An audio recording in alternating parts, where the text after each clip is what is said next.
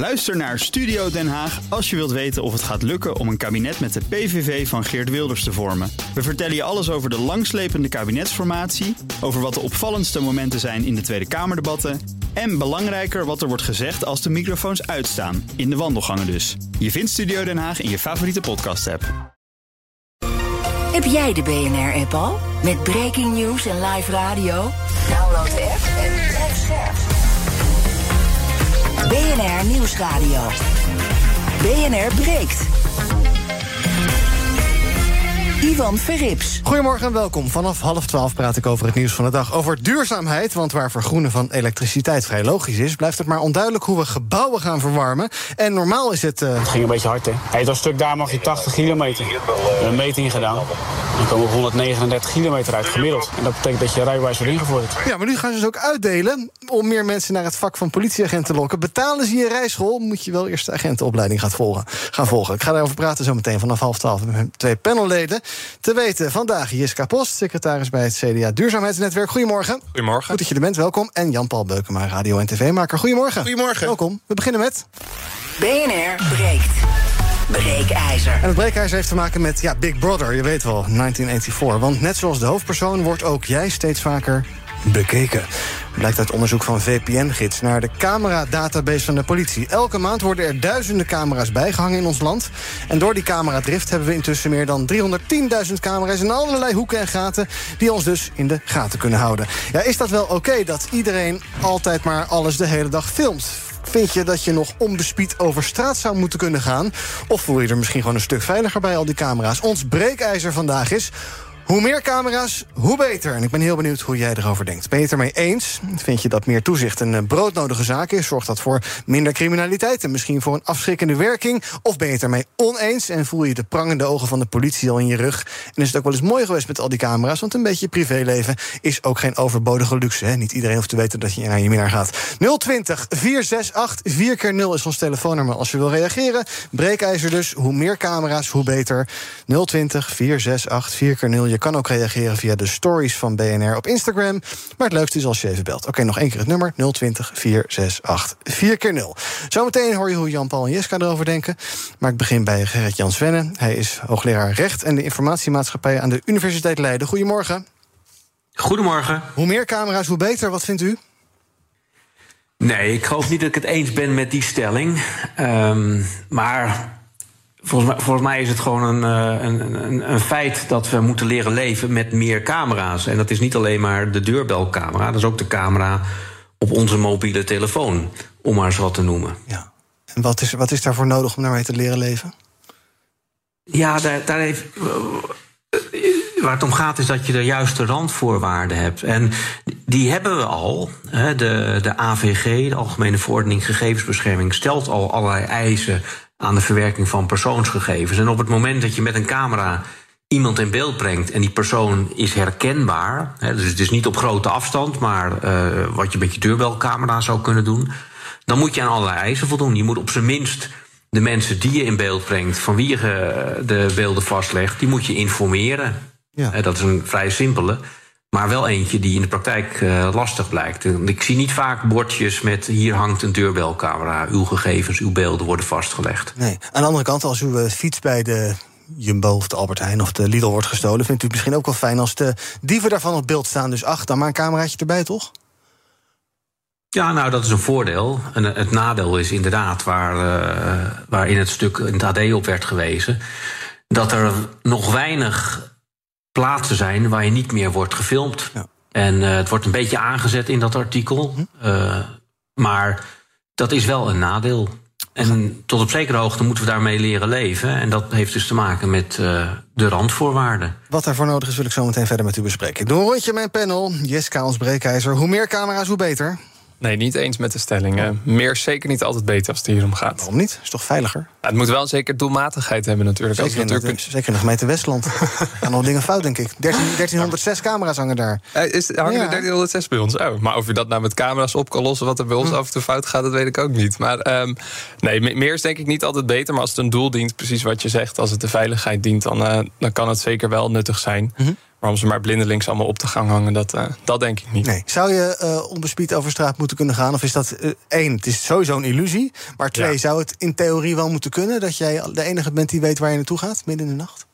Ja, maar als die camera daar hangt, dan weet toch niet gelijk iedereen waar je naartoe gaat. Dat vind ik altijd een lastige aan die discussie. Want het mag, je mag niet bespied worden overal, je moet die uh -huh. vrijheid hebben. Maar ja, als je niks fout doet, ja. kijkt ook niemand uh, die beelden op wat je aan het doen bent. Ja, maakt het dan nog uit of het bij iemand op een SD-kaartje staat of dat het bij een uh, overheidsdienst in een database staat?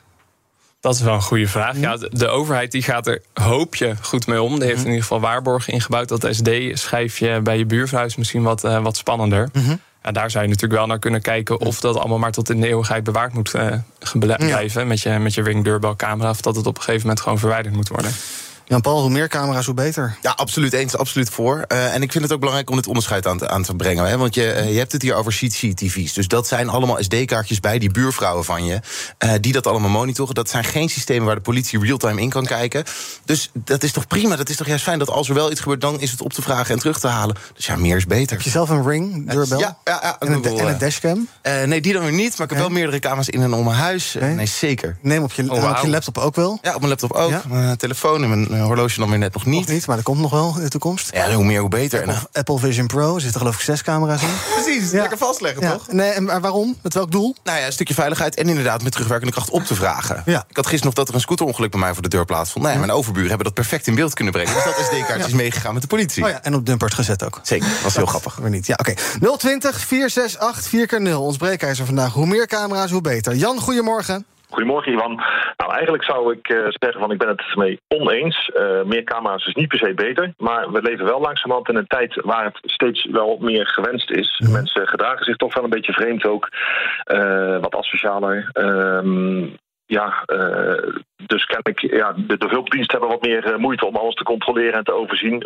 Weinig mensen bij politie en dat soort dingen. Dus ja, dat er dan camera's zijn, is wel nuttig. Ja. Uh, druk maken om de privacy zou ik niet zo hard doen. Heel veel mensen zetten ook weer op uh, Facebook bijvoorbeeld uh, wanneer ze op vakantie gaan. Dat is ja. handig voor de inbrekersgilden. Die kunnen binnenkort weer een efficiënte planning gaan maken van de werk. Ja. Maar ja, ik zou eigenlijk zeggen, gedraag je gewoon netjes. blijf van andermans spullen af. sloop geen voetbalstadions of grafstenen of iets dergelijks. En dan kunnen we door ons gedrag een beetje in te perken... misschien voorkomen dat er nog meer camera's bij komen. Dominee Jan, dank voor de preek. Meneer Huigens, goedemorgen.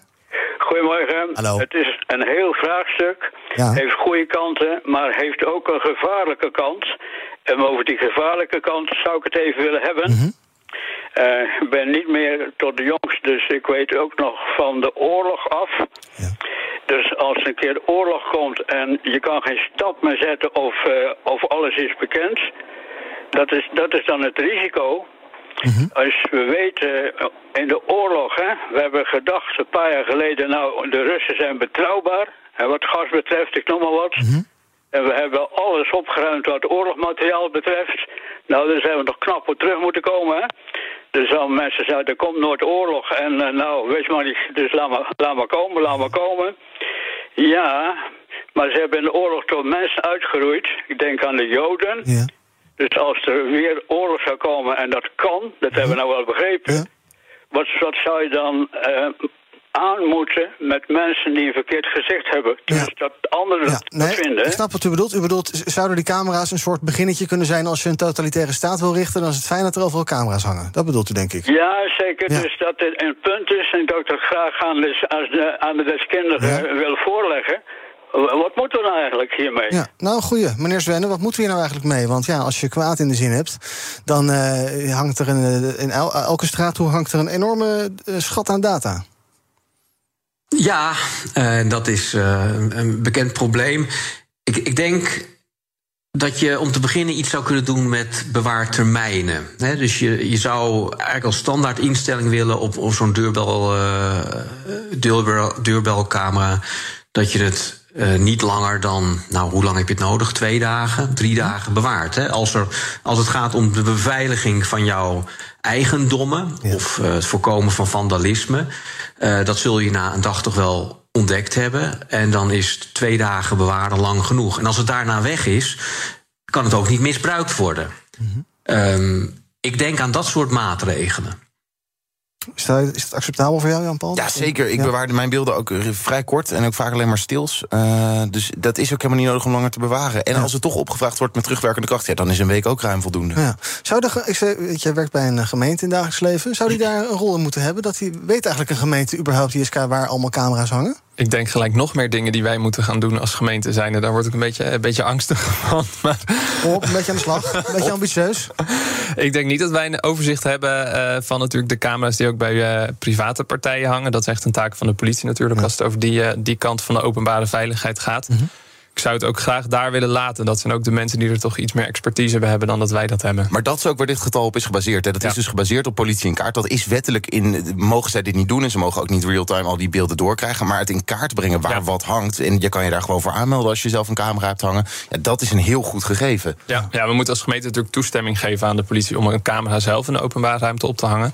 Maar dat gaat inderdaad niet per se in op het artikel nu. Dat zijn meer de, de privécamera's. Ja, want dat is interessant, meneer Svenner. Dit gaat inderdaad om het programma Camera in Beeld van de politie, waar iedereen als particulier zijn, zijn camera kan aanbrengen. Uh, daar wordt in het artikel van het AD ook iemand van de politie opgevoerd. Die zegt, ja, uh, hier is eigenlijk niks mee aan de hand. Terwijl Bits of Freedom zegt, ja, wat de politie doet... het is een beetje grijs gebied, want eigenlijk zijn aan veel strengere regels verbonden... maar door particulieren zichzelf aan te laten melden... ja, creëren ze een database en dat klopt ook niet helemaal. Wat vindt u ervan? Nou, het is een database van waar camera's hangen. Het is niet een database van camerabeelden. Uh, dat lijkt me wel een belangrijk onderscheid. Um, als er zich iets voordoet, en we hebben gezien met, met Peter R. de Vries dat het nuttig was dat men bij die beelden kon komen. Als er zich iets voordoet, kan de, weet de politie waar ze om de beelden kunnen vragen. Politie staat denk ik niet vrij om zomaar willekeurig beelden te gaan vorderen. Er moet iets aan de hand zijn. Ze moeten de bevoegdheid hebben om die beelden op te vragen. Daar hebben we een heel systeem voor bedacht. En naar mijn gevoel werkt dat systeem. Ik, ik zie het punt van, uh, van Bits of Freedom, maar het is toch in een iets andere context. En dat, dat las ik ook terug in dat AD-verhaal. Uh, ja. um, als de politie zelf een camera plaatst, ja, dan moet je aan allerlei voorwaarden voldoen. Dan heb je, uh, ik denk, toestemming van, van de burgemeester nodig. Mm -hmm. um, u en ik, wij, het staat ons vrij om een camera op te hangen. Maar we moeten wel voldoen aan de eisen die de AVG stelt. Ja. Dus het moet proportioneel zijn. Je moet mensen vertellen dat je die camera hebt opgehangen. En ja, als het gaat om de beveiliging van jouw huis. Uh, dan moet je wel zorgen dat die camera gericht is op jouw huis. Ja. En niet op de openbare weg. Dat je per ongeluk een stukje openbare weg meeneemt. Nou, dat kan nog. Maar dat maakt het al wel weer een ernstiger inbreuk. En dan zul je een beter verhaal moeten hebben. Ja. Jan-Paul, ik kijk toch even naar de tv-maker in ons midden ook. Als ik dan naar opsporing verzocht kijk, dan zie je vaak van die beelden voorbij komen... dat je denkt, dit is met een soort aardappel gefilmd. Zo het is altijd slechte kwaliteit. Hoe kan dat? Het hele land hangt vol met camera's. En als je dan wat ziet daar, is het altijd ja, blokjes. Ja, gewoon totale blokjes. Nee, ja, uh, absoluut. Dat? dat komt omdat je heel veel moet opslaan. Uh, die camera's zijn van slechte resolutie. Die moeten ook nog eens een netwerkvinding hebben. Ja, al die, al die crappy beveiligingscamera's die 30 jaar geleden zijn gekocht en opgehangen, die werken nog steeds. Ja. Daar is wel een nieuw servertje achter gehangen en een nieuw achterkantje. Maar voor de rest is die camera nog steeds helemaal crap. Maar ik ben wel benieuwd, heeft een van iemand hier nog een, een, een deurbelcamera? Uh, nee, ja? ik, nou, nee, ik heb nee, bij het appartementencomplex waar ja. ik woon, daar, de grap is als je daar het, mijn nummer indrukt en je drukt op bellen en ik ben niet thuis, dan maakt hij wel een foto van je, oh. zonder dat dat ergens wordt aangegeven. Wat zeg, hangt daar dan een bordje bij? Nee, daar hangt geen bordje bij. Maar dat mag dan dus officieel niet. Nee, ik heb ook alleen een camera bij de centrale toegang, niet ja. bij mijn eigen voordeur. En wordt er ook een foto gemaakt? Als nee. Je, nee. Het splint, maar... splinternieuw gebouw, maar ik heb die optie dan weer niet gekregen. Hmm. Maar ook dat zou je kunnen upgraden, dat je er zelf iets slims achter hangt... waardoor je hem naar je telefoon gepusht krijgt. Ja, en dan heb je in principe natuurlijk een beveiligingscamera's. Zou je, ja. zou je een slimme camera willen, Jiska? Nou, dit klonk al zo ingewikkeld ineens dat ik het niet meer wil. Dat je zelf op het toilet zit met een beetje een moeilijke stoel hangen... dat je dan daar vanaf, daar vanaf je telefoon de deur open en dicht kan doen. Nou, dat lijkt me dan wel weer hand. Nou ja. Maar je bent wel tegen. Nou, het tegen is natuurlijk tegen het lukraak vooral ophangen als het vanuit de politie gaat. Er moet natuurlijk, als de, dat zijn ook de voorwaarden die een burgemeester aanstelt. Er moet wel een doel achter zitten. Het lijkt me onprettig als de politie wel overal maar blindelings mee kan kijken. Maar als je natuurlijk het hebt over de privéopgangen, camera's, ja. Ik denk dan dat deze dat camera- en beeldinitiatief daar ook heel nuttig in is. Want daar kan de politie niet live meekijken, maar ze weten wel gelijk, er gebeurt iets. hey, ik weet waar ik beelden kan, potentieel beelden kan opvragen. Marco, goedemorgen. Ja, goedemorgen. Ja, ik eh, ben het eh, eh, eigenlijk niet eens met overal lukraak neerhangen, maar wel op wat meer plekken bij parken en dingen en zo. Dat, voor, de, voor de veiligheid. Ik denk toch dat de reactietijd van de politie, als er iets gebeurt, sowieso te laat is. Dus er is ook een deel schijnveiligheid bij. Ja. Maar in ieder geval wel dat je normaal je hond uit kan laten. Want bij bosjes en kleine stadsparken gebeurt toch wel veel. En tegenwoordig ook bij kinderspeelplaatsen. Dus wat we in Frankrijk hebben gezien. Dus ja, Ja. Heb, eh, je, ik vind het wel eh, belangrijk dan op dat punt. heb je zelf camera's in of om je huis hangen? Nee, nee, nee, nee, nee, nee, nee, nee. Ik heb, eh, nee, de, de inbraak, eh, dat zit gewoon bij de verzekering. Je kan het allemaal wel neer gaan hangen, maar dat, ik heb geen, dat, ja, boeien. Nee, nee, dat niet. Nee. Ik kan gewoon uit het raam kijken als er iemand voor mijn deur Nee. staat. Maar wat was het nou? Bosjes, kinderspeelplaatsen en parkjes, hè? Ja, gewoon parkjes en bosjes bedoel ik net buiten, buitenstedelijke gebieden. Ja. Dat je nog normaal je hond uit kan laten. Zonder dat je door een scootertje afgeracht wordt en in de greppel gegooid wordt, snap je? Daar mag wat meer dekking zijn. In zulke gebieden waar veel gebeurt, waar drugs gedumpt wordt. Hang daar even wat afval, hang daar even wat meer camera's neer en zo. Dat eigenlijk. Marco, dank voor het bellen. BNR breekt. Ivan Verrips. Met in mijn panel vandaag Jan-Paul Beukema, radio- en tv-maker. Jiska Post, hij is secretaris van het CDA Duurzaamheidsnetwerk... en ook bij me is hoogleraar Recht en de Informatiemaatschappij... Gerrit Jan Zwenne aan de Universiteit Leiden. We praten over ons breekijzer. Hoe meer camera's, hoe beter. Als je wil reageren, 020 468 4 keer 0 Of stem de stories van BNR Nieuwsradio op Instagram. Maar het leukste is even bellen. 020 468 4 keer 0 Meneer Zwenne, een andere zorg die in dat artikel... in het Algemeen Dagblad wordt genoemd... is ehm, eh, mensen die met die camera's meekijken wat niet de bedoeling is. Je hebt hele websites waar, eh, waar je eh, hele overzichten kan zien van onveilige slimme apparaten die geen eh, goed wachtwoord hebben ingesteld en waarbij Jan en Alleman de hele dag kan meekijken. Ehm, dat is een soort camera in beeld, maar dan voor iedereen, zonder dat het de bedoeling is. Ehm, dat lijkt me misschien nog wel een groter probleem eigenlijk. Dat, dat die veiligheid, ja, dat is ook maar afhankelijk van de buurman of de buurvrouw of die dat een beetje regelt. Ja, dat is natuurlijk wel op te lossen. Hè? Dat is gewoon je wachtwoord aanpassen. Ehm, je kan misschien ook wel verwachten dat de, de fabrikant die, die die camera's op de markt brengt, eh, dat gewoon vereist. Hè? Dat je het ding pas kan aanzetten nadat je je wachtwoord hebt eh, aangepast. En ja, tegenwoordig, als ik ergens een wachtwoord moet aanmaken. Ik moet soms het vier keer proberen, omdat hij zegt: het is niet lang genoeg, het is niet moeilijk genoeg. Ja, dat kan je natuurlijk bij zo'n camera ook gewoon doen. Hè? Dat- Daar zie ik eigenlijk het probleem niet. Althans, ik zie een hele eenvoudige oplossing. Ja. En die ligt bij de, de fabrikant, bij de producent van die dingen. Als dat wachtwoord aanpassen. Ja, ik vind het leuk dat je de fabrikant. Of dat je, dat je denkt dat je dat zelf in de hand hebt. Maar je moet na een aantal jaar gewoon die chak weggooien. Want die is op een gegeven moment outdated. De fabrikant die eh, kijkt er niet meer naar om. Krijg heb- updates meer? krijg geen updates meer. Dat is veel gevaarlijker dan een wachtwoord. wat Ja. ergens in een database rondzwerft. Maar dat moet ook. Ja, dat moet ook. Maar ik zou eerder zeggen. als jij nu een camera hebt hangen van vijf, zes jaar geleden. in je badkamer is iedere dag in beeld. flikker dat ding alsjeblieft weg. Oh. Waarom zou je een camera op je badkamer? Je weet, je weet, niet wat, weet het je niet. weet niet wat de hobby's van Jan-Paul zijn, hè? Nee, dat is heel interessant. denk Ik heb mijn Playstation in mijn badkamer staan. dus gebeurde hele. Oh, laat maar kijken. Ehm, helemaal in de war hiervan. Ehm, wat ook nog wel interessant is, de camera's worden natuurlijk ook steeds slimmer. Ehm, je hebt eh, het verhaal gehad in, eh, in eh, Den Haag rondom eh, de eh, eh, ministeries... waar bijvoorbeeld camera's van Hikvision hingen, geloof ik. Dat is een Chinees bedrijf dat met allerlei slimme technologie... eh, gezichtsherkenning doet en dergelijke. Daar zijn ze toch een beetje van teruggekomen. Eh, dus is er ook verschil, Jiska, in jouw optiek... tussen de ene camera en de andere camera? Is een beetje een dommige camera die eh, nou ja, wel wat filmt... en die slaat het op op een kaartje en daar komt nooit iemand bij. Is dat minder erg tussen haakjes dan een camera die alles in de cloud opslaat en lekker gelijk dingen aan elkaar koppelt en dat, dat gelijk aan je verzekeraar doorgeeft waar jij rijdt en dat je ook toevallig te hard reed en jouw kenteken. Met Jan Paul in het, in het panel ben ik bang dat ik alleen maar hele domme antwoorden ga geven nu op deze vraag. Probeer het, domme. Kom. Nou ja, als de- ik denk volgens mij ook de camera die het opslaat op een SD-kaartje is op enige manier verbonden met het internet. Dus die zal op dezelfde manier eh, toegankelijk zijn aan de achterkant als de andere camera's. Als je natuurlijk kijkt naar landelijk. Wat, het is een beetje als een roken is een vuur natuurlijk. Als alle westerse landen zeggen de, de techniek van Huawei is niet, eh, niet veilig, we moeten het niet doen. En ze, misschien kunnen de inlichtingendiensten het niet hard op papier bewijzen. Dan heb ik altijd wel het vertrouwen erin dat ze weten waar ze het over hebben. En dat Ja. er enige zwakheden in de systemen zitten. En dan kan je als ministerie natuurlijk maar beter voorzichtig zijn en ze niet ophangen. Dan het gokje nemen omdat het in de aanbesteding net wat goedkoper uitkwam. En maar wel ophangen. Ja. En dan toch over tien jaar later misschien. Als de inlichtingendiensten allemaal gelijk hebben erachter gekomen dat ze altijd hebben meegekeken. Dus camera's van wat eh kwestieuze makelij die wel lekker goedkoop zijn, daar zou je niet aan beginnen. Dan maar iets meer uitgeven aan een betrouwbaar merk. Nou ja, we hebben, ja, als je natuurlijk naar geopolitieke belangen kijkt, dan zijn we er nu wel achter dat we toch weer wat meer op onszelf eh, moeten kunnen vertrouwen. Dus dan lijkt het me ook voor dit soort dingen dat je dan eh, op jezelf moet vertrouwen. Ja, Hikvision. Eh, ja, ik denk. Nou, ik, kijk, het kan, hè, maar dat is het CCTV-principe. Dus een gesloten circuit, dus dan is dat SD-kaartje erin. Ja, dat is offline. Als je zeker weet Ja, dat die gesloten via Beijing dan, hè? Nee, dat is niet. Dat is niet. Oh. Dat je dus inderdaad echt een gesloten circuit hebt... dat dat SD-kaartje echt de enige plek is, geen verkeer naar buiten toe... dan kan je prima Hikvision ophangen. En die, kun- die dingen kunnen dat ook? Eh, nee. Nee, Nee, want bij het ministerie gaat het ook niet gesloten. Dat gaat natuurlijk ook naar meldcentrales via wifi-verbindingen en noem maar op. Dus dat moet je eh, niet doen. Ja, dan heb je al... eh, Nou, oké, laten we nog twee, twee, drie bellers proberen. Dave, goedemorgen. Goedemorgen. Hallo, zeg het maar. Hi, hier met Dave. Ja, ik ben er echt 100% voor. Zolang er nog dagelijks mensen vermoord, verkracht, beroofd worden, op sporen worden geduwd, dood worden geslagen, dan moet je dat soort dingen gewoon op camera hebben. En al lossen ze maar één moord per week meer op, ja, wie is er dan op tegen? Ja, en jij hebt verder niet zoveel te verbergen als je zelf de straat over gaat. Helemaal niets. Nee, dus we mogen prima weten waar je nu naartoe onderweg bent in je auto. Geen enkel probleem. Ja, dat weten ze toch wel, want ik bel nu met BNR, dus mijn telefoon kunnen ze volgen. Ja, ik zie je nu Maar ik vind gewoon Ja. dat zolang er nog zoveel mensen zoveel ellende uithalen bij andere mensen.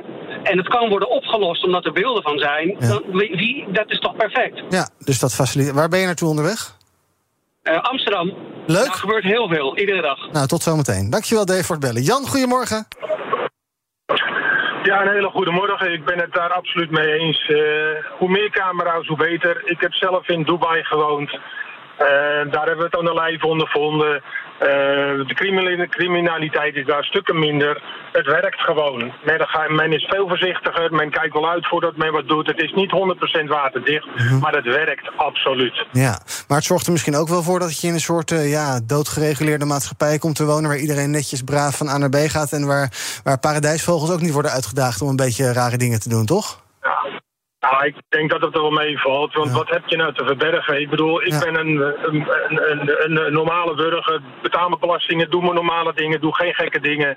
Dan is dit gewoon goed te doen. Ja. Doet u bij het eh, s s'avonds ook de gordijnen dicht?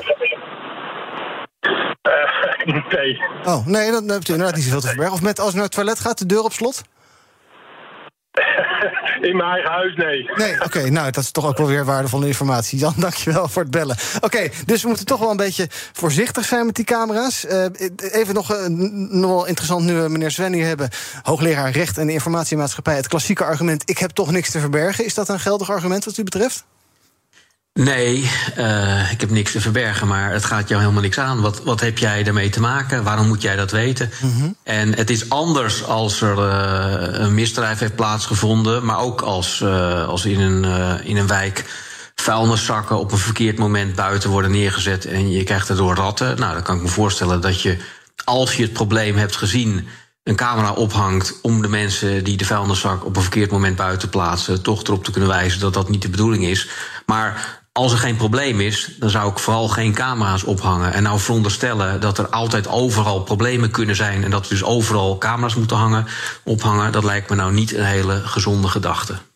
Dank, Gerrit-Jan Zwennen, hoogleraar Recht en de Informatiemaatschappij aan de Universiteit Leiden.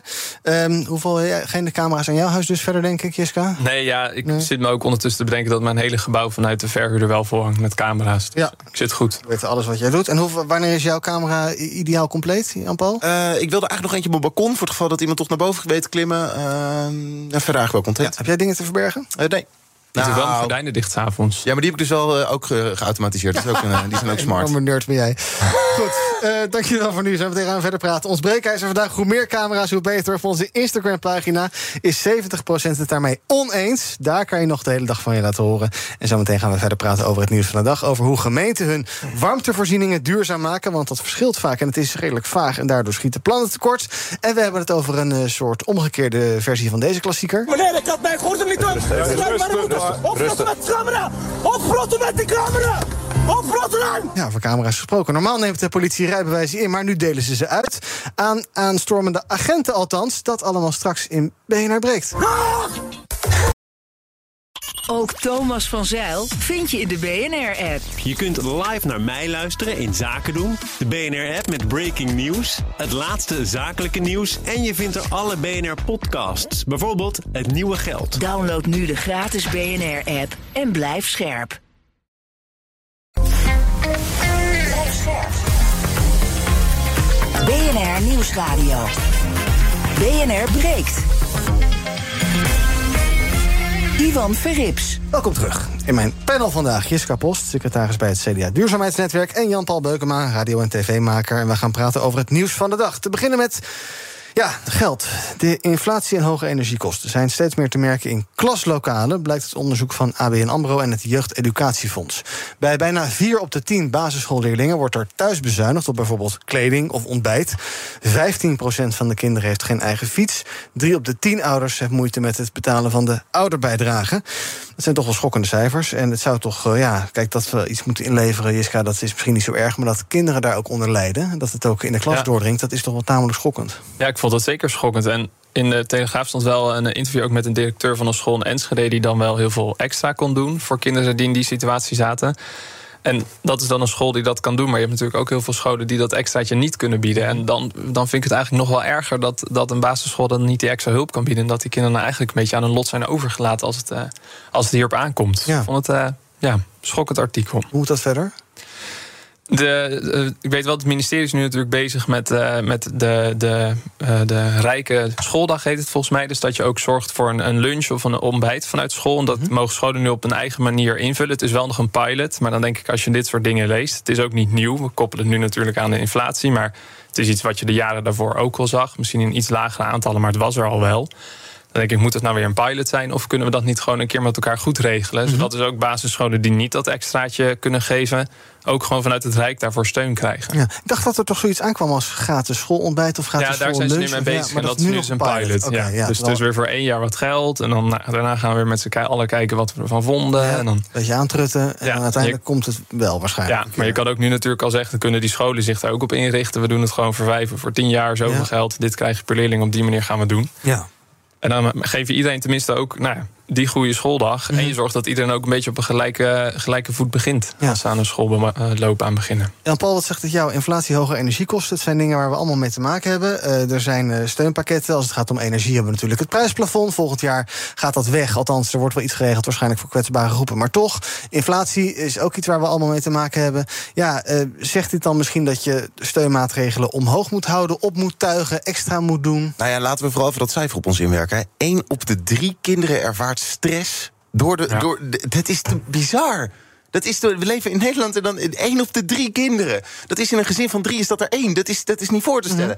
Ehm, dus nee, je moet gewoon beleid, je moet gewoon beleid voorkomen voor goede schoolontbijten. eh, Zorgen dat uitjes, museumjaarkaarten, pretparken, dat daar allemaal goede eh, subsidies, weet ik veel wat. Maar daar moet gewoon beleid worden gemaakt. Want hier kan niet een kind te dupe van worden. Ja, in een klas kunnen het zo eh 8, 9, 10 kinderen zijn. Dat is toch bizar? Ja, en dat zijn vaak dus hele scholen. Kijk, in Bloemendaal heb je niet één op de drie die er last van heeft. Maar in Zuidoosten en Amsterdam is het natuurlijk de overgrote meerderheid in de klas. Dus je benadert ook echt grote groepen Mhm. binnen de samenleving, binnen een stad, die echt met elkaar er heel veel nadeel van ondervinden. En dan heb je de scholen in Bloemendaal die dat ene kind wel kunnen ondersteunen. Maar zo'n school in Zuidoost kan natuurlijk niet voor de meerderheid van de kinderen iets extra's gaan Nee. doen. Of de schooluitjes betalen als ze daar geen extra middelen voor krijgen. Maar het is natuurlijk sowieso eigenlijk een buitenrandstedelijk probleem. Hè? Want hier bij mensen in Oude Pekela, Groningen, de, eh, Groningen, Drenthe, dat soort provincie, is dit een veel groter en realistischer probleem dan, dan in Amsterdam Zuidoost of in. eh, Nou, ligt eraan. In de slechte wijken in de grote steden. Je hebt in steden zelf natuurlijk ook grote tegenstellingen. Ik woon zelf in Den Haag. Ja, bij Noorderhout heb je dit er maar niet. Bij mij, waar ik in Laak woon, zal je dit probleem ook heel erg zien. Ja. Dus het speelt binnen het land heb je natuurlijk grote verschillen. Maar ook binnen de steden of binnen stedelijk gebied heb je ook zeker die verschillen wel. En in rijke wijk heb je ouders die je prima honderden euro's bij willen leggen elk jaar voor uitjes en eh, de, de, de zogenaamd vrijwillige ouderbijdrage. Die, nou ja, whatever. Eh, maar in arme wijk heb je dat toch minder. Dus hoe, hoe kan je dat wat meer ja, mengen dan of zo? Wat Ja, die rijke schooldag is mooi. Maar ik, ik- ik- mijn vriend zat een paar maanden in het Verenigd Koninkrijk. En als je daar naar een museum wil, dan loop je overal gratis naar binnen. Als je in Nederland natuurlijk naar een fatsoenlijk museum wilt, ben je als volwassene 20 euro kwijt. Nou, kinderen tot vier zeggen we dan nog, die zijn gratis. En daarna ben je voor een kind ook wel 10 tot 20 euro kwijt. Nou, dan maak je het voor een school natuurlijk heel duur om erheen te gaan. Maar voor ouders maak je het ook onmogelijk als je een krappe beurs hebt om op zaterdag een keer zo'n uitje te doen. Ja. Laat ik het even nog erger maken. Oké, één op de drie stress. Ehm, maar ook kinderen die geen eigen bed hebben. Kinderen die geen eigen fiets hebben of eigen kamer. Wat ook weer gevolgen heeft voor CITO-scores. Wat dus ook later weer gevolgen heeft voor waar je terechtkomt in je vervolgonderwijs. Voor je carrièrepad. Dus ja, dit moet je de hoogste prioriteit hebben. Want anders dan vernachel je gewoon een hele generatie. Ja, ja zeker. En maar dan heb je natuurlijk wel echt over structurele financiële problemen bij mensen thuis ook. Dus dat kan je al niet meer natuurlijk oplossen met een rijke schooldag of een gratis museum. Dus dan moet je echt breder gaan kijken natuurlijk of uh, iemand die een normale baan heeft eigenlijk nog wel rond kan komen in deze samenleving. Of dat we daar toch iets verkeerd aan het doen zijn. Ja, spoiler, nee, dat kan niet. Dat kan niet. Nee, en als je dan steun hebt, dan kom je in allerlei ingewikkelde toeslagensystemen terecht. Dat moet natuurlijk veel makkelijker kunnen dat als je in zo'n situatie zit, dat je dan op enige manier daar extra ondersteuning voor kan krijgen. Dan, ander nieuws. Windmolens schieten als paddenstoelen uit de grond. Zonnepanelen zijn niet aan te slepen. Maar het verduurzamen van de warmtevoorziening... dat schiet niet echt lekker op. Meldt het eh, PBL, Planbureau voor de Leefomgeving... na onderzoek naar warmteplannen van gemeenten. Dat is een taak van gemeenten. Maar eigenlijk trekken die ja, allemaal een beetje hun eigen plan... zegt PBL-onderzoeker Volkert van der Molen. Dit gaat zeker een bijdrage leveren. Maar als we kijken naar de volledige opgave die we als land hebben... dan zijn alle plannen bij elkaar opgeteld... die de gemeenten nu hebben vastgesteld. Tot en met 2030 zou ik zeggen maximaal een vijfde van de totale opgave die we met elkaar hebben. Misschien hadden we ooit een keer de blik dat we dachten, nou, de gemeentelijke aanpak, dat gaat het, het, de hele oplossing zijn. Nou, daarvan zien we nu dus wel. Dat is op dit moment in ieder geval niet het geval. Volgens van de Molen van het PBL, 388 gemeenten zijn onderzocht. En die plannen zijn, die, ja, die zijn vaak vaag en dus ook verdeeld, zo concludeert het PBL. Um, hoe, hoe, verwarmen jullie, ja, nu niet hoop ik, maar hoe verwarmen jullie het huis? Uh, ja, ik zit nog op gas, maar ik heb, mezelf, ik heb wel zonnepanelen. Dus ik uh, lever meer terug dan dat ik, uh, dan dat ik gebruik. Oh ja, jij wekt gas op met je zonnepanelen. Jazeker. Ja. ik heb een heel nieuw appartement, dus ik hoef winters eigenlijk ook bijna niet te verwarmen. Nou ja, als ik de zon er even op heb. En dat is stadsverwarming of zo dan? Wat, wat heb je dan? Ik heb volgens mij een gecombineerd systeem. Dus we hebben volgens mij eigen boilers en stadsverwarming. Volgens mij mengen ze het. Uh, Oké. Okay. Okay. Jan-Paul, zou hier meer uh, sturingen moeten komen? Want nu uh, is iedereen het wiel aan het uitvinden. Nou ja, kijk, landelijk beleid is natuurlijk dat de warmtepomp overal in moet. En dat we op een gegeven moment van het gas afgaan. Dat, dat lijkt me fantastisch. Alleen ik denk dat we daar ook in die denkwijze een aantal cruciale fouten maken. Um, zo zie je dat nu heel veel nieuwbouwwoningen, daar moet je gaan betalen per maand voor het afbetalen van je warmtepomp. Ja, en daarmee komen mensen uiteindelijk op de langere termijn weer in financiële problemen. Hm. Dus ik denk dat we die subsidie een stuk hoger moeten maken. En in ieder geval een verbod moeten doen op het uh, uh, in termijnen afbetalen van je warmtepomp. Dan kan niemand het meer betalen. Nee, maar als je die dus subsidieert tot een bepaalde mate. Ja, ja dus dat je ja. van tevoren geeft in plaats van achteraf. Okay. Ja. Um, wat, wat, denk jij? Meer, meer, meer, meer de Haagse regie? Vies woord. dat is een vies woord, inderdaad. Oh, maar, maar... regisseur kijkt niet heel vies naar. Sorry. regie, heel leuk woord. Vertel. Heel mooi. Nee, je ziet wel dat het natuurlijk voor gemeenten een hele ingewikkelde opgave is. Dus ik zou het wel de regie bij de gemeente laten als het gaat op het wijkniveau. Dus wat doe je nou in welke wijk? Een gemeente weet natuurlijk het beste wat draagvlakmogelijkheden zijn per wijk. Ja. Maar je hebt grotere infrastructuur nodig om bijvoorbeeld een hele stad met een warmtenet aan te sluiten. Ja, en dat ligt nu ook bij gemeenten. En dan in regionale energiestrategieën proberen ze dat regionaal te regelen. Maar dat zijn ook heel veel grote investeringen. Het gaat echt om heel veel geld. Ja. En ik denk dat je dan als, het, als uh, nationale overheid, als het Rijk zijn, er wel bij moet springen om dat uh, vlotter vlot te trekken. Omdat het nu gewoon om heel veel geld gaat, wat die gemeenten zelf niet bij elkaar kunnen ja. brengen. Maar je krijgt nu dus gemeenten, sommige gemeenten die zeggen we doen het gewoon nog lekker met gas en dan gaan we een beetje isoleren. Anderen zeggen we gaan inderdaad warmtepompen doen. Uh, hernieuwbare bronnen, stadsverwarming. Sommige gemeenten hebben het over klimaatneutraal of energieneutraal, ja. wat dat dan mogen betekenen. Um, het is nu een beetje een ratje toe. Ja, maar als je natuurlijk als, als overheid zegt. Ik zit nu hard op te denken hoor, dus wie weet komt er een heel goed idee uit. Maar um, je, je hebt, zijn in, in de Randstad zijn ze natuurlijk bezig met een warmterotonde. Dus je hebt in de Shell heel veel warmte over. Nou, die kan je in, in buizen gaan pompen en daar kan je steden mee verwarmen. Dat is bijvoorbeeld zo'n project waar de gemeenten zelf gewoon niet het geld voor kunnen opbrengen. Als je nou als overheid zegt, nou wij leggen wel die hoofdinfrastructuur aan. En dan kan je als gemeente zelf de aansluiting zoeken die je wilt. Dan, bied je, dan maak je het zo gemakkelijk om ook daadwerkelijk over te stappen op, uh, op duurzame warmte. In plaats van nog steeds uh, combinaties van gas of uh, noem maar op. Maar dan zou dat toch de lijn moeten zijn dat op provinciaal niveau er alleen maar wordt besloten over stadsverwarming en al dit soort leuke, leuke projecten. En dat we op landelijk niveau gewoon een beetje beleid maken als het gaat om warmtepompen en van het gas af. Ja, maar, ja, maar je hebt dus ook die grote invulling. Met alleen warmtepomp gaan we het ook niet altijd redden. Je kan grote st stadse wijken, als je die op een warmtenet aansluit, dan kan je daar in één keer iedereen mee Dus dat doen we dan? Dat doen we dan provinciaal? Ja, ja, maar daar heb je dus juist eigenlijk meer landelijke sturing en landelijk geld op nodig om daar echt snel slagen op te maken. Omdat het lokaal gewoon niet altijd lukt. En dan ben jij van het gas af? Uh, ja, ik ben wel aan het kijken naar warmtepomp. Maar ik heb net mijn cv onderhouden voor heel veel geld. Oh ja, de, ja. En bovendien, gas, ja, Brussel zegt dan weer, gas is ook groen. Dus hoe, is gas de vieze boeman in deze sector? Ja, Brussel zegt ook, je moet natuurlijk, iedereen moet op het startpunt waar zij nu zitten gaan verduurzamen. Dus ja. als wij nu op gas zitten, is dat ons uitgangspunt. En vanuit het gas moeten wij gaan verduurzamen. Als je in Polen nog op kolen stookt, dan is het natuurlijk al heel wat als je van die kolen naar het gas toe gaat. Dus je moet, er zit wel, het is niet dat Brussel natuurlijk zegt, oh, gas is perfect. Maar voor Polen is het een betere oplossing dan kolen. Wat heeft je cv-onderhoud gekost? Uh, ja, wel echt 15. Nee, dat is niet maar 1300. Bij BNR ben je altijd als eerste op de hoogte van het laatste nieuws. Luister dagelijks live via internet. Bas van Werven. En heel langzaam komt de zon op rond dit tijdstip. Je krijgt inzicht in de dag die komt op BNR, het Binnenhof in Nederland en de rest van de wereld. De Ochtendspits. Voor de beste start van je werkdag. Blijf scherp en mis niets. Thomas van Zel met Zaken doen. BNR breekt. Ik ben al vandaag met Jan-Paul Beukema en Jiska Post. En we gaan naar mijn favoriete deel van de uitzending, namelijk het geheim nieuws wat eh, mijn panelleden zelf is opgevallen. Bij wie zal ik beginnen? Wilt iemand beginnen graag? Nee, maar maar niet uit. Maakt mij ook niet uit. Jiska, beginnen bij jou. Je wil het hebben over de perikelen in de VVD. En Ja, dan in dit geval. Niet per se de perikelen in de VVD. Nou, het gaat om Koen Schuiling, Ja, de maar- burgemeester van Groningen, die tegen zijn eigen partij aantrapt. Ja, oké. Nou, ja, daar gaat het ook over. Maar het ging me er vooral over dat ik blij was dat wel iemand binnen de VVD dan... of iemand die op landelijk niveau, voor wat voor niveau dan ook... nu met die spreidingswet, met asielzoekers, noem op, met opvang bezig is. Sorry, we, we gaan iets eh, constructiever insteken. Ja, anders ben ik weer de CDA die de VVD zit te bashen. Volgens mij zit ik niet helemaal de, in de positie met mijn partij om dat te doen op dit moment. Vertel.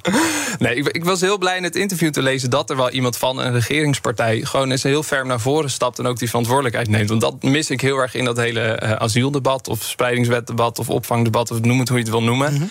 Niemand neemt verantwoordelijkheid. We zitten allemaal naar elkaar te wijzen. Gemeenten zitten allemaal naar elkaar te kijken. Die zeggen nu, nou, we gaan het ook niet meer op het eh, regionale veiligheidsniveau oplossen. We gaan het weer per gemeente oplossen. Nou, er komt er helemaal niks meer terecht. Want geen enkele gemeente wil dat asielzoekerscentrum plaatsen in de achtertuin van hun inwoners. En op landelijk niveau zitten we ook allemaal naar elkaar te kijken en gebeurt er ook niks. En ondertussen weten we allemaal dat er een boeggolf van asielzoekers eh, aan zit te komen. die nu eh, met het warme weer een aantocht, de overtocht helaas weer denken te, te kunnen maken. Eh, op een veilige manier, wat vaak natuurlijk ook niet zo is. En we doen eigenlijk nog steeds helemaal niks. Dus ik was blij dat er iemand van een regeringspartij vandaag is gewoon in de krant groot uit opschreef. Dat zij het wel voor elkaar krijgen, overigens ook in Groningen. Dat die wel in een regionaal verband hebben kunnen regelen met die ver- verschillende gemeenten wie wat doet qua opvang. Eh, en die ook eens oproept, regel het gewoon. Wees nou eens niet zo bang voor alles. En stop met die goedkope retoriek. Dan stoppen we maar uit het stappen uit het VN, eh, vluchtelingenverdrag en dat soort dingen. Ja, ik ga het toch even proberen, want de eh, Tweede Kamerfractie van de VVD vindt het allemaal maar heel erg moeilijk. de dwang Ja. en dergelijke. Koen Schuiling, de burgemeester van Groningen, ook VVD'er, die zegt dus ja, wij kunnen het wel regelen. Verzet zich ook een beetje tegen de mastodonten als Henk Kamp, die op Radio 1 inderdaad hebben gezegd: we moeten uit tot vluchtelingenverdrag, enzovoorts, enzovoorts. Ehm, eh, maar jij bent dus meer eh, team Schuiling.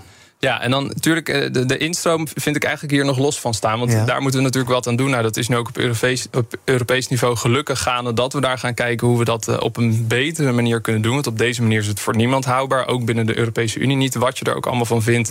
Hoeveel je wel of niet zou moeten opvangen. Op deze manier gaat het gewoon niet meer. Maar hoe dan ook, al zouden we een lagere instroom hebben... gaan we het op deze manier, met hoe we het nu landelijk geregeld hebben... alsnog niet redden. Mhm. Dus los van die instroom... Zorg ook dat je het op landelijk niveau gewoon regelt. En dan kan je allerlei mitsen en maren hebben. Maar als het niet via dwang gaat, ik zie het in ieder geval niet voor me hoe we het dan op een andere manier zouden moeten Nee, even over die instroom. Eh, daar wordt natuurlijk ook van alles nog wat aan gedaan. We hebben Rutte gezien in eh, Tunesië. We hebben Van der Burg gezien in eh, Luxemburg. Heb je enige hoop dat dat gaat helpen? Ik hoop het. Ik hoop ook dat binnen de Unie alle landen natuurlijk eh, binnenboord blijven. Dat alle kikkers in de kruiwagen blijven. Maar dat lijkt er nu wel op. Dat akkoord in Luxemburg was natuurlijk met alle ehm, vertegenwoordigers van alle landen van de Unie die daar waren. Dus dan lijkt het erop dat er wat beweging in komt. En ik denk dat alle ehm, eh, lidstaten nu wel doorhebben dat het natuurlijk niet meer werkt op deze manier. Nee, en dan gaan we dus mensen opvangen zo aan de randen van Europa, in Tunesië en zo, waar ook allerlei eh, kwestieuze. Ja. ja. Ja, ik vind de humanitair vind ik er zelf ook echt moreel heel veel van. Maar op deze manier lukt het ook niet. Wat er in Ter Apel is gebeurd afgelopen zomer, dat gaat natuurlijk ook niet. En alle ellende die je dan landelijk daarmee krijgt, dat, dat, ja, daar komen we ook niet verder mee. Jan-Paul, jij wil het hebben over de eh, petitie. Die is eh, opgesteld onder andere door eh, Kees Verhoeven, geloof ik, hè, oud D66-Kamerlid. Maar ook ondertekend door Klaas Dijkhoff, Lodewijk Asscher, Arend-Jan Boekenstein, die kennen we. Michiel Suiker, ook cute. Ehm, over AI-controle van overheden. Waar dus de politiek meer zijn grip op zou moeten krijgen. Een website is er ook opgericht, aipetitie.nl. Heb je ondertekend al? Ja, zeker gisteravond al. Oké, wat staat erop? Nou ja, kijk, het ding is natuurlijk, AI is uiteindelijk levensgevaarlijk, levensbedreigend en is uiteindelijk groter dan wij allemaal. Is de volgende in de keten van, Gar- van eh, eh, Darwin. Ehm, dus we moeten ons zorgen maken. We moeten hier beleid op gaan maken. AI gaat ons overleven, dus het is tijd om dit gewoon echt een beetje in eigen hand te nemen. En het gaat in Nederland nog niet zo lekker, want nou ja, wie, hebben we, wie hebben wij in Nederland zitten als het gaat om digitalisering? Weet je dat, Jo? Alexandra van Huffelen. Koninkrijksrelaties en digitalisering. Nou, dat is toch om te huilen? Ja, dat is wel Dat is toch verschrikkelijk? Dus, dus daar hebben we echt Die combinatie ook, hè? Heel snel internet op Aruba, denk ik. Ja, Ja, dus dat is, dat is vrij problematisch. Dus ik ben blij dat er nu een beweging is. Eh, gisteravond met een artikel in de Volkskrant... of vanochtend in de krant, gisteren online eh, gelanceerd. Eh, petitie die je kan tekenen, maar lees je ook vooral eens in... in wat de gevaren nou zijn. PalsAI.info, Nederlands initiatief ook... over wat voor eh, gevaren er nou aan AI zitten. Hoe- Hoe.info?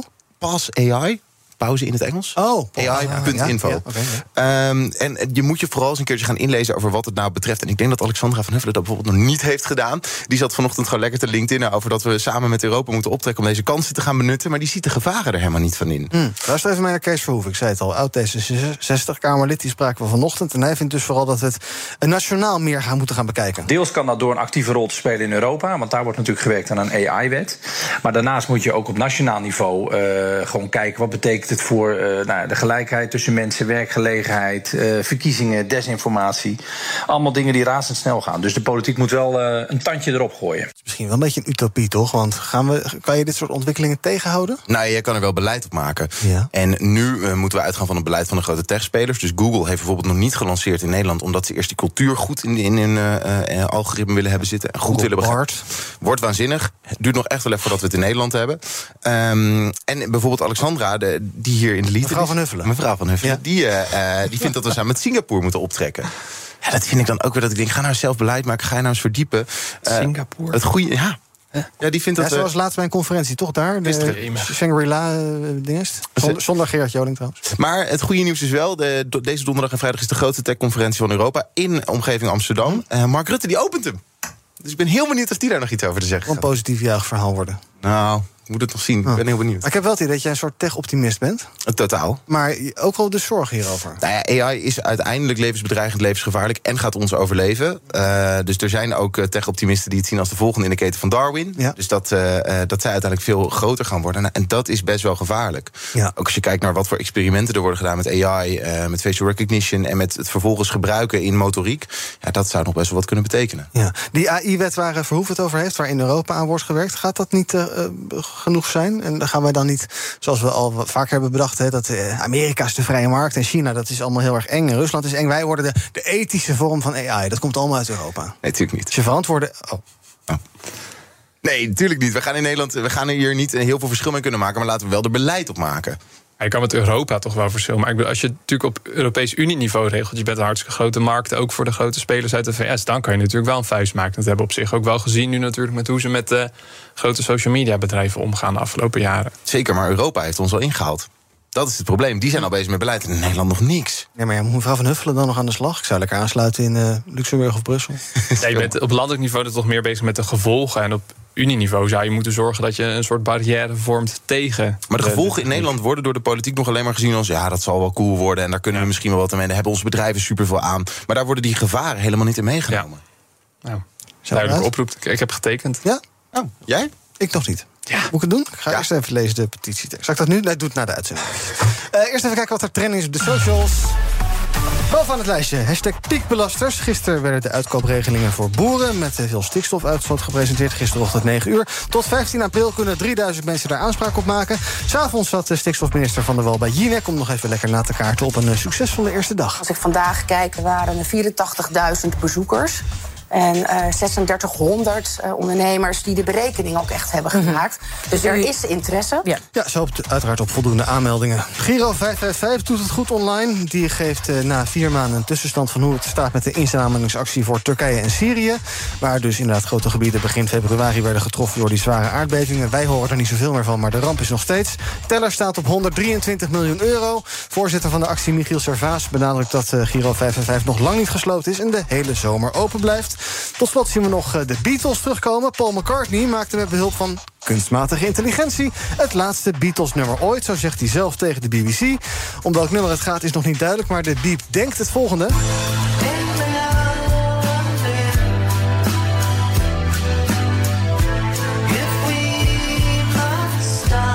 Een compositie uit 1978. AI hielp bij het scheiden van de stem van John Lennon en van de pianopartij in een demo.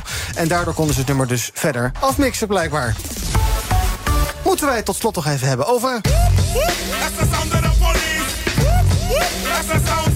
Ja, wil je je rijbewijs halen, maar vind je al die rijlessen ook een beetje duur... dan kan je straks misschien wat hulp krijgen van uh, de SCOTO, ja, de politie inderdaad. Moet je wel de agentenopleiding gaan volgen... dan krijg je ook 2750 euro budget aan rijlessen vergoed. En dat doen ze omdat er ook bij de politie een groot personeelstekort is. Um, rijbewijsbezitters, allebei, ja? Ja, zeker. Ja, Ja, oké, ja. ja. Ehm, hoe, hoe vaak af moeten rijden? Vier keer, vijf keer. Oh, nee, in één keer. Doe maar zo. Jij? Eén keer ook, ja. Motor wel twee keer. Ai. Dat is een soort inhaalfoutje. Ehm, Oké, ehm, is dit een interessante manier, denk je, om jongeren te trekken met een eh, Eh, rijbewijs? Ja, zeker, zeker. Al denk ik niet dat dit uiteindelijk het grote verschil gaat maken. Kijk, het slimste wat je kan doen als je bij de politie wil werken... is alvast ergens naar binnen gaan, gaan solliciteren... ergens op een plek gaan zitten... en dan mag je dus gewoon met behoud van salaris... de hele politieacademie doen. Dus het is leuk dat dit nu op, een, op zo'n manier wordt gebracht... als eh, je kan nu je rijbewijs... Nee, je kan ook je hele politieacademie gratis krijgen. Uh-huh. Ik vind wel dat ze dan bij de rijles ook gelijk het, het eh, gevaren rijden met alarmlichten enzovoort. Ja, dat krijg je daarna. Ja, nee, dan Dat moet is veel ik, ik zou toffer. doen, doe dat gelijk. Ik wil daarnaast een Mercedesbusje aftrappen. dan kan je nooit meer normaal rijden. Dan kan je nooit Dat is wel weer waar. Nee, maar doe dat nou tegelijk. Dat is toch handig? En je leer je gelijk als agent Ja, maar rijden. dan leer je dus echt niet normaal rijden. Vind jij het een goed idee, dit? Is dit een mooie, Ja, ik, mooie het zal niet het grote verschil maken. Ik was verbaasd Ja? dat het eigenlijk nog niet in zit. Want het is natuurlijk zo'n cruciaal onderdeel van je werk. In het leger wel. Dan kan Ja, je leger, alle, alle precies. 35 rijbewijzen kan je halen op kosten van de staat. Mijn broers zitten bij het leden. Die hebben inderdaad alle, het hele pakket gedaan. Met allerlei extra dingen. Eh, nee, dus eh, ik was verbaasd dat het er nog niet bij zat. Dus toch, je, je moet toch kunnen... Ja, zonder auto kan je niks. Ja, nou, misschien een leuk lokkertje. Ja, nou, ik hoop dat het werkt. Nou, we wensen de agenten van de toekomst veel succes bij de rijbewijsopleiding van de politie. Dank voor jullie aanwezigheid vandaag bij BNR Breekt. Jiska Post en Jan-Paul Beukema. Morgen ben ik er weer. Tot die tijd volg je ons via de socials. YouTube, Instagram, Twitter, TikTok, LinkedIn. We zijn overal te vinden. En zometeen is hier Thomas van Zel met Zaken doen. Ook Harm Edens vind je in de BNR-app. Je kunt BNR Duurzaam niet alleen live luisteren in de app, maar ook terugluisteren als podcast, zoals al onze podcasts. En naast dat de BNR-app Breaking News meldt, houden we je ook op de hoogte van het laatste zakelijke nieuws. Download nu de gratis BNR-app en blijf scherp.